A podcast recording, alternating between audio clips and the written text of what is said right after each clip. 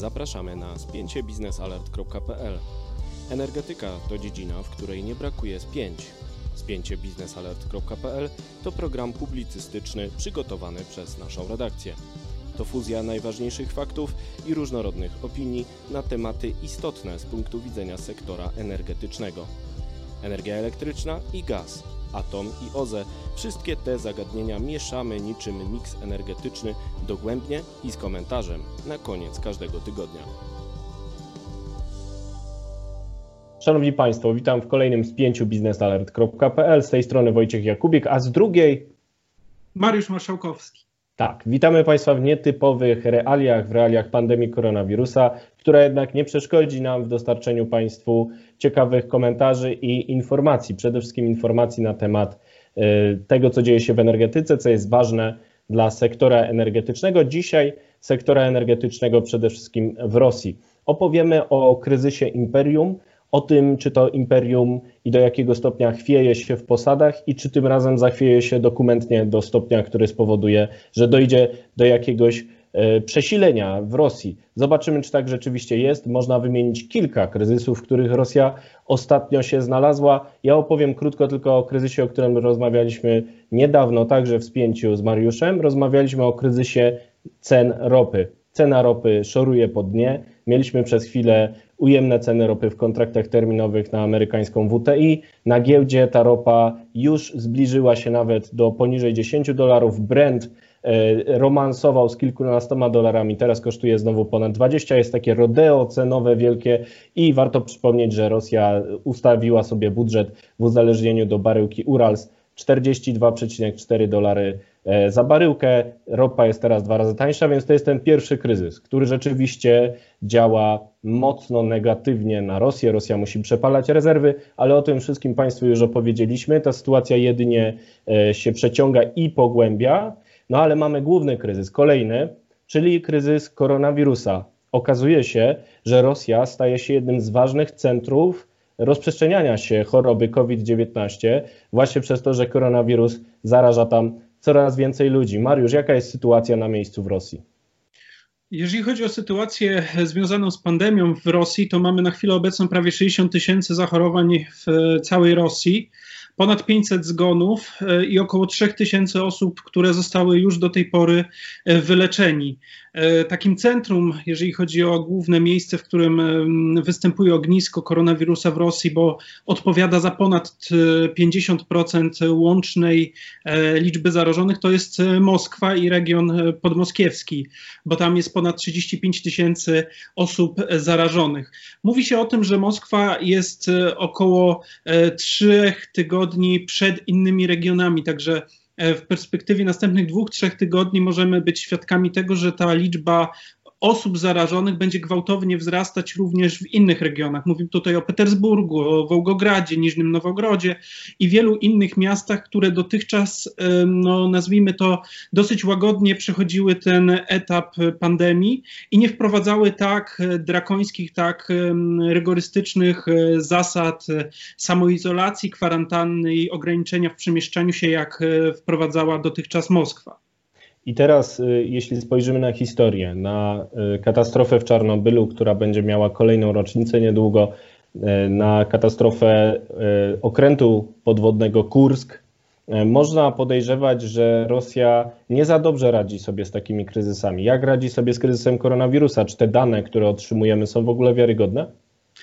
To znaczy, mamy na chwilę obecną informację, że Rosja wykonała ponad 2 miliony, około 2 milionów 200 tysięcy testów od początku rozpoczyna, od, od rozpoczęcia się e, epidemii, e, bo trzeba pamiętać, że Rosja znacznie szybciej zaczęła badać ludzi pod względem koronawirusa z racji tego, że graniczy z Chinami, więc ten, ta granica chińsko-rosyjska była zamknięta już pod koniec stycznia i wtedy już były pierwsze przypadki podejrzeń o koronawirusa na początku wśród wyłącznie w zasadzie turystów przybywających do Rosji z Chin. Natomiast e, obecnie mówimy o ponad dwóch milionach, e, milionach wykonanych testów.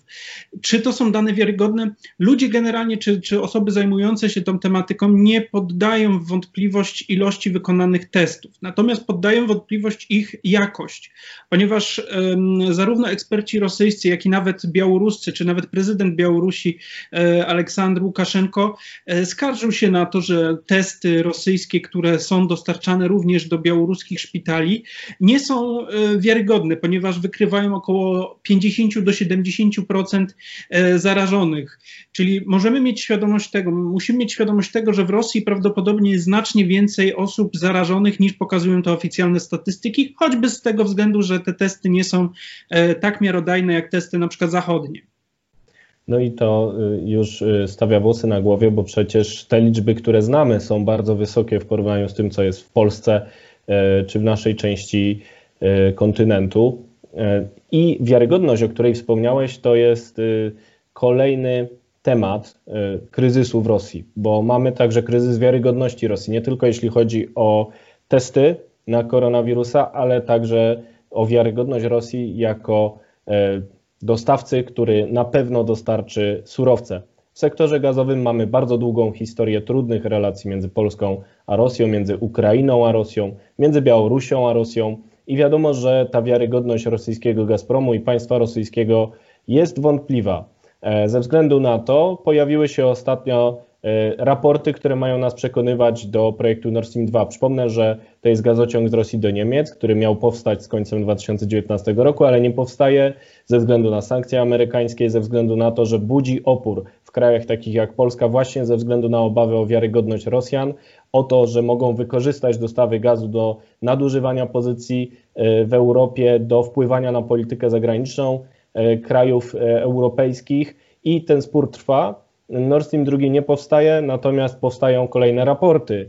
Jeden e, to badanie opinii publicznej w Niemczech, które przekonuje, że Niemcy kochają Nord Stream 2, chcą tego Nord Streamu jutro najlepiej, żeby jak najwięcej gazu rosyjskiego przypływało. To jest pierwszy raport, który pojawił się, został opłacony przez Nord Stream 2, został zdemaskowany przez fundację Free Russia. Na ten temat można dużo przeczytać w businessalert.pl. A drugi raport, z kolei też opłacony przez Nord Stream 2, przekonuje, że Polska będzie zyskiwać na niskiej cenie gazu e, dzięki Nord Stream 2, tak samo jak Niemcy. To jest z kolei badanie Uniwersytetu w Kolonii, również opłacone przez Nord Stream 2, które ma przekonać opinię publiczną, że ta Rosja przecież jest wiarygodnym dostawcą gazu e, i e, część mediów, szczególnie w Europie Zachodniej, podaje dalej te informacje jako coś wiarygodnego, jako ustalenia jakichś naukowców, E, natomiast faktem jest, że jest to po prostu lobbying sfinansowany z pieniędzy rosyjskiego Gazpromu.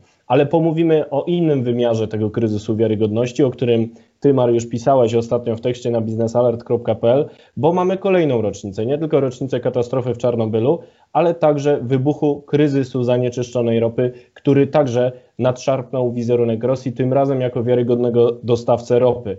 Co zmieniło się w tym roku od kryzysu, który zatrzymał dostawy ropy przez ropociąg przyjaźń?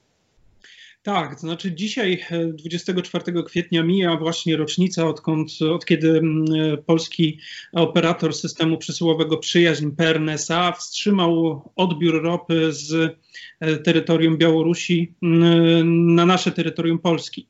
E, co się stało w ostatnim roku? Możemy to podzielić na mm, powiedzmy takie elementy związane z bezpośrednimi działaniami Komitetu Śledczego czy służb, e, czy, czy służb śledczych rosyjskich wobec, nazwijmy to, podejrzanych, i też działania pewne systemowe, które rzekomo zostały wprowadzone po mm, wykryciu tego zanieczyszczenia. No i z jednej strony, jeżeli mówimy o tym działaniach Komitetu Śledczego wobec oskarżonych, czyli czterech członków zarządu mm, i osób związanych z mm, pewnym małym terminalem naftowym, e, który rzekomo miał odpowiadać za e, to ogromne zanieczyszczenie rosyjskiej ropy, trzeba traktować to trochę, no, nazwijmy to z przymrużeniem oka i to też pokazuje jakby wiarygodność rosyjskiego systemu śledczego, rosyjskiej e, wymiaru sprawiedliwości, ponieważ pojawiają się badania, pojawiały się już różne wyliczenia świadczące o tym, że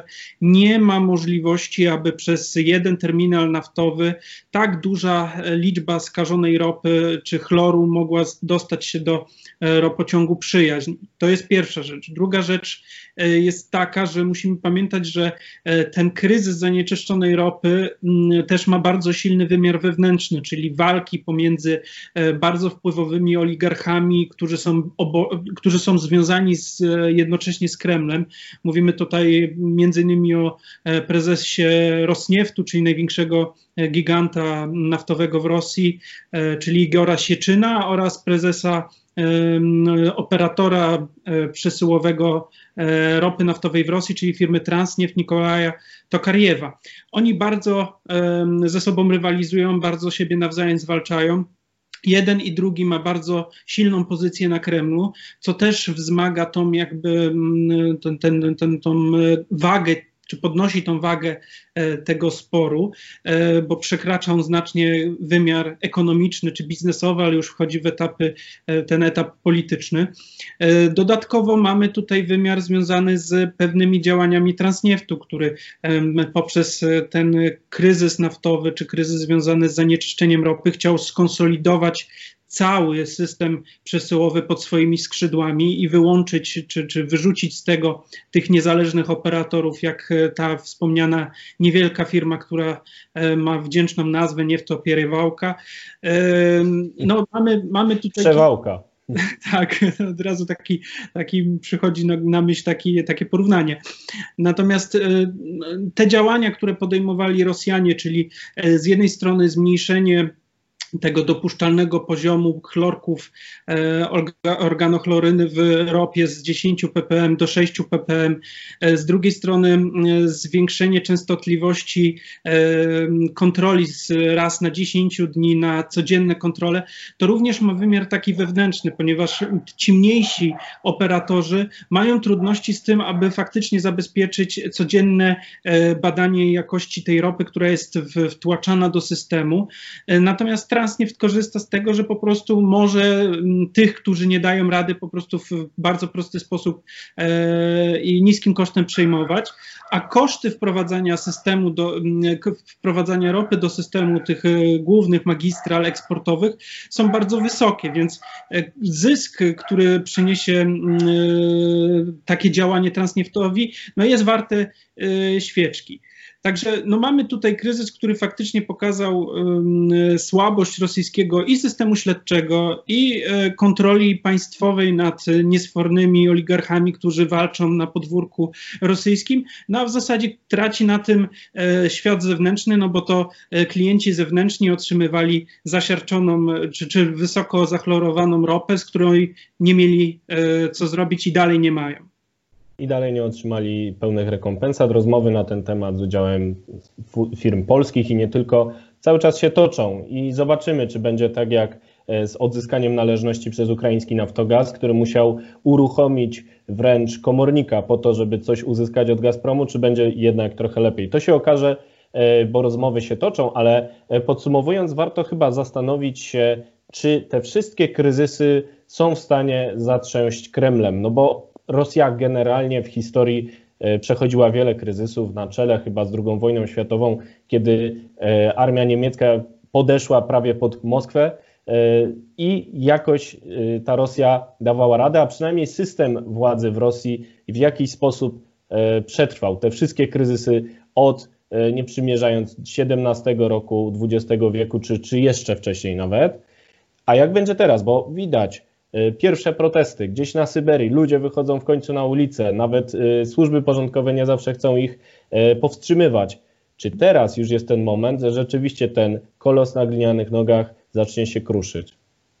Tak, odnośnie tego, tych, tych wyzwań, przed którymi stanęła Rosja, no to też pojawił się pewien zgrzyt dyplomatyczny między Ukrainą a Rosją, bo Władimir Putin powiedział, że Rosja poradzi sobie z pandemią koronawirusa, tak jak poradziła sobie wcześniej z inwazją Piecięgów i, i tak dalej, e, czy, czy Mongołów e, w czasie Wielkiej Smuty. E, no, faktycznie ten, to wyzwanie, przed którym stoi Rosja, po pierwsze tych niskich cen ropy, po drugie kwestii związanych z pandemią koronawirusa jest, y, jest bardzo trudne. E, to, co wspomniałeś, protesty. No, zaczynają się różnego rodzaju, mm, to szczególnie widać w rosyjskim internecie, czyli e, jak ludzie e, organizują się, jak komentują, co wrzucają w sieć.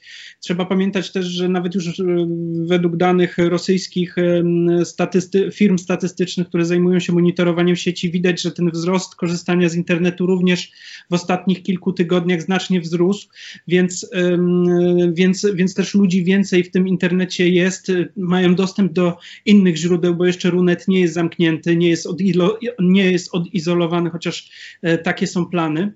E, więc faktycznie w perspektywie następnych e, kilku miesięcy czy kilku lat taka sytuacja, jeżeli utrzyma się no, w dłuższej perspektywie czasu, będzie miała tragiczny wpływ dla władzy rosyjskiej, ponieważ E, ona nie jest skora do wydawania pieniędzy na kwestie socjalne z tego Narodowego Funduszu Dobrobytu. Wydaje te pieniądze na megaprojekty inwestycyjne i Władimir Putin wczoraj zapowiedział, że nie mają być zaprzestane te wielkie inwestycje, czy związane z infrastrukturą energetyczną, czy z kolejową, czy z transportową.